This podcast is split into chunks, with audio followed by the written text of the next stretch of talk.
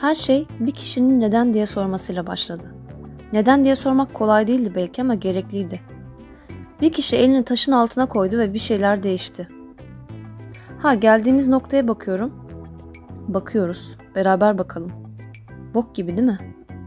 Bakayım gerçekten öyle. Ama aklımıza mukayyet olacağız. Bizim olan her şeye sahip çıkacağız. Çünkü işimiz bizi temsil edenlere kalırsa sıçıyoruz.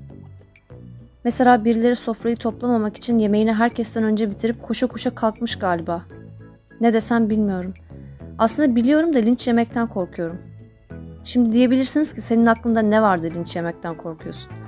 Ha öyle çok marjinal bir fikrim yok açıkçası. Sadece şaşırtmadı beni. Çünkü gündem şovu gibiydi. Ama bana kalırsa gündemi belirlemek artık onların elinde değil. Eğer istersek gündemi belirleyecek kadar da güçlüyüz. Hem de medyaya rağmen. Çünkü bazı olaylar sadece bizim başımıza geliyor. Ve artık hem bazı olayları sadece biz yaşayıp hem de gündeme maruz bırakılma numarasını yutmuyoruz. Açıkçası son anda fırıldaklanma olayı bu tip bir karakterden beklenmeyecek bir şey değildi bence. Ha bunu söyleyerek kimseyi yaptığı hamlenin sorumluluğundan muaf tutmayı da istemem. Zaten böyle bir şey benim gücüm yetmez. Ama iki ucu boklu bir değnek varsa ortada, bir ucunu biz tutmak zorunda da değiliz. Çünkü boka doyduk. Biz artık istasyon yapmadan değneğin iki boklu ucunu da yok sağ ol ya yedim de geldim deyip bizi uzatanlara iade edeceğiz. Linç yemekten korkma sebebim de şuydu. Şu an sosyal medyada ağzını açanın linçlenmesi. Fikir mağazası gibi yemin ediyorum. Bir fikir var, onun karşısında başka bir fikir var. Sonra bunların çaprazları var. Yok işte eşkenar üçgeni, kartezini falan derken bir sürü çeşit fikir var ve hepsi linçleniyor. Sonra işte politik olan var, olmayan var. Normalde politik olmayıp sezonluk politik olan var.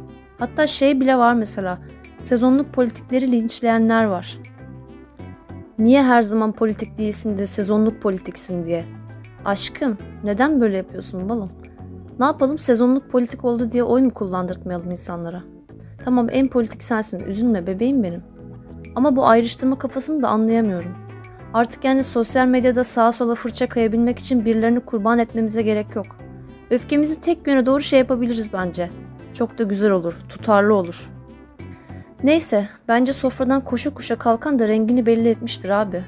Demek ki sofrayı toplamaya veya beraber iş yapmaya veya en azından yediği kabı yıkamaya falan değil, yiyip içip sıçmaya gelmiştir. Hazımsızlık sorunu da olabilir. İshaldir belki. Yiyip içip sonra da defolup gitmiştir. Rengini belli etmiştir işte. Bence bu iyi bir şeydir yani. Erken teşhistir. İyi olmuştur. İyi olacaktır da. Hep beraber göreceğiz bunu. Böyle bir zamanda böyle bir kayıt yapmayı hiç istememekle beraber yapmam gerektiğini düşündüren bazı hissiyatlara sahibim. Çünkü belli başlı bazı patikalardan geçip eğlence amaçlı bir içerik dizisi üretmeye başladıktan sonra zor günlerde aniden susmak içime sinmedi. Ne siyasetten anlıyorum ne de belki de anlamam gereken bazı başka şeylerden. Ama daha fazla susmak istemedim. Çünkü kendimi ifade etmek için burada kendime bir alan açtıysam, bu da benim bir parçam olduğu için bunu bastırma fikri hoşuma gitmedi ve bir şeyler söylemek istedim. Ben bir aydır falan buradan konuşamıyorum. Ne düşünmem, ne hissetmem gerektiğini bile bazen kestiremiyorum. Hani gereklilik gibi bir şey de söz konusu değil de çok fazla kafa karışıklığı yaşadım.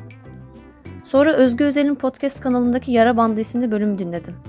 Ben şimdi spoiler vermeyeyim. Siz dinlemediyseniz dinlersiniz belki. Verebileceğim tek spoiler bölümü çok sevmiş olmamdı. Kendisinden bahsetmek için kendisinden izin istedim. Ve bunun onu ancak mutlu edeceğini söyledi. Bir kez daha teşekkür ederim. Onu dinleyince ben de biraz buralara dönmeye karar verdim. Bu utanç bizim değil çünkü arkadaşlar. Gerçekten.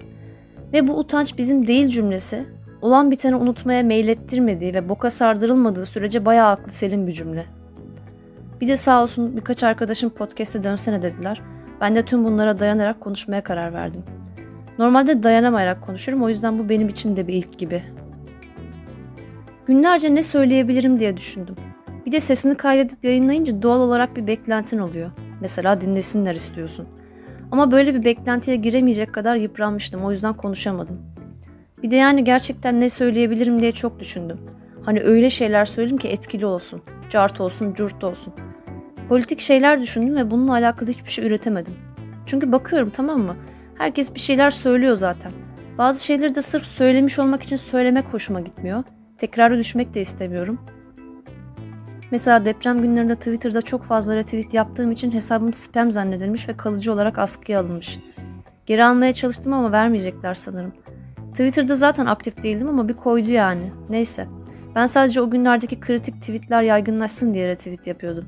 Ama belki de bir troll kadar orijinal olamadığım için ban yedim. Bir de bakıyorum sosyal medyaya bazı insanlar bazı şeyleri gerçekten çok iyi ifade ediyor. Ben de diyorum ki sen şimdi uğraşsan şundan daha güzel bir cümle kuramayacaksın Leyla o yüzden sus. Birilerinin söylediği şeyleri paylaşıp onlarla alay etmeyi de sevmiyorum. Ama yani oturup da güzel güzel öfkelerini ifade edenlerin yazdıklarına bakıp ya maşallah ağzın bal yesin ne de güzel anlatmış derdini demekten de sıkıldım. Tabi susarken düşündüm. Ben kimim ne yapıyorum falan. Koca bir boşlukla karşı karşıya kaldım. Soru işareti bile yoktu. Ve beklenen oldu. Benim kafa cortladı. Meğer en başından beri idare ediyormuş benim kafa. Zaten genlerimden gelen ruh sağlığının ortalaması da sabıkalı olduğu için daha fazla zorlamak istemedim ve ilaca başladım. Çok ağır bir ilaç değil. Onu dörde bölüp kıtlama yapıyorum yetiyor gibi çok şükür. Yani kafamı tertemiz yapmaya yetmiyor ama daha fazlasını içinde hiç cümle kuramayıp boş bakışlar attığım için onu yapmak da istemiyorum. O yüzden biraz paranoyalarla, biraz gerçeklikle, bir parçada sakinlikle idare etmeye devam ediyorum. Kendime paranoyaları susturmayı öğretmeye çalışıyorum.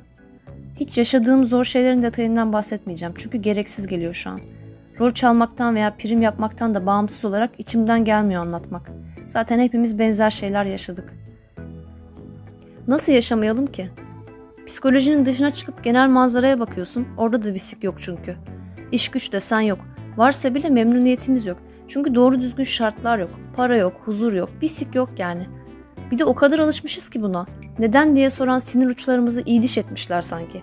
Baş kaldırmaya yarayan boynuzlarımızı eritmişler. İttire kaktıra, ittire kaktıra yaşadığımızı zannediyoruz. Çoğumuzun böyle olduğunu biliyorum. O yüzden hepimize sabır diliyorum. Geçen bölümde artık korkmuyorum demiştim ya. Bazı korkularımı bastırıyormuşum aslında. Meğer ben bazı şeylerden hala çok korkuyormuşum. Ama bunu da atlatacağız. Dedim ki insanlarla paylaştığım tek bir şey var. O da podcast'ten boş yapmak. Ama boş yapmak tırnak içinde. Zaman zaman kendime ne kadar bencil gibi bir şeysin ya sürekli kendinden bahsediyorsun deyip duruyordum.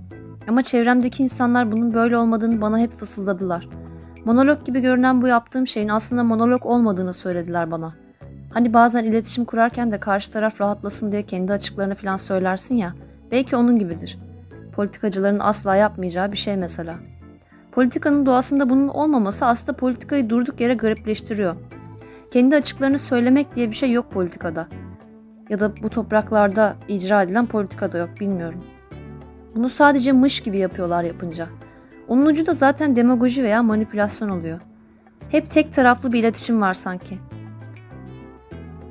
Ama işini iyi yaptığı için açıklarından bahsetmeye gerek duymayan bir politik kesim de var. Baştan şeffaf olalım, işimizi iyi yapalım demişler mesela. Enteresan gibi gelse de değil aslında. Dürüstlük meselesi sırf azınlık diye mucize sayılamaz.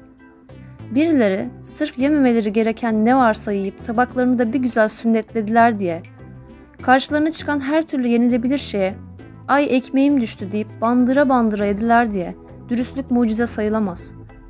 Birilerinin yeme bozukluğu var diye, kontrolsüz yiyorlar diye, uykularında bile yiyorlar diye işini iyi yapmak mucize sayılamaz.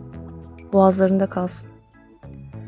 Ben yine de genel olarak politikadaki bu tek taraflı iletişimin en azından bazı politik kesimlerde şekli değişiyor gibi hissediyorum. Çünkü çareler tükendi. Yeni bir dönem başlıyor artık. İki ucu boklu değneklerin iki ucu da onlara bakıyor artık. O yüzden bu utancı bize yutturamayacaklar ve bizi sindiremeyecekler gibi bir şeyler hissediyorum. Özgü Özel'in Yara Bandı bölümünü dinledikten sonra bir şeye daha karar verdim. Kendimce bir aydınlanma yaşadım. Yaptığım bu şeyi podcast'te boş yapmak olarak görmemeye çalışacağım artık. Çünkü sanki bunun altında benim bu işe o kadar da şey yapmadığım gibi bir izlenim bırakıyor olabilirim. Ama şey yapıyorum aslında. Önemsiyorum. Ve önemsemiyormuşum gibi yapmama gerek yok. Bir içten pazarlığa gerek yok yani. Kendimde böyle bir izlenim tembelliğine rastlayıp bununla yüzleştim. Ve bu canımı sıktı biraz. Yine kendime haşırt diye bir şey sapladım ama benim beyin jimnastiği de bu yani ne yapalım. O yüzden beni dinlemekten vazgeçmeyen arkadaşlarıma teşekkür ediyorum. Tanıdığım ve tanımadığım arkadaşlarım diyorum herkese. Çünkü bazen tanımasan da arkadaş olduğun, arkadaşlık hissettiğin olabiliyor. O yüzden sizi çok seviyorum. İyi ki varsınız. Çünkü bu yaptığım şey bir bakıma kendi çapında ufak bir protesto eylem gibi görüyorum biraz. Yıllarca girmeye çalıştığım ama bütün kapıların çatır patır yüzme kapatıldığı sektöre inat, benim bir şeyler yazabilme ve anlatabilme kabiliyetim olduğunu ispatlamaya çalışmak için bunu yapmaya başlamıştım. Çünkü önce kendime ispatlamam gerekiyordu bunu ve bu uzun bir yol. Ama olayın kendisi zaten yolculuk. Bu bölümde Jean-Jacques Rousseau'nun mülkiyet kavramına yaklaşımından bahsedecektim. Ama kayıt çok uzadı belki sonra bahsederim. Ama özetle İnsanlar Arasındaki Eşitsizliğin Kaynağı isimli kitabında şöyle bir şeyler diyordu. Bir toprak parçasının etrafını çevirip burası benimdir diyen adama karşı çıkılmazsa mahvoluruz. Ama o toprak parçasına çökmeye çalışan adama nereden senin oluyormuş ya burası sen hayırdır diye sorarsak eğer neden diye sorabilirsek süper olur falan diyordu. Yani tam kelimeleri böyle değildi ama bu şekilde özetleyebilirim sanırım.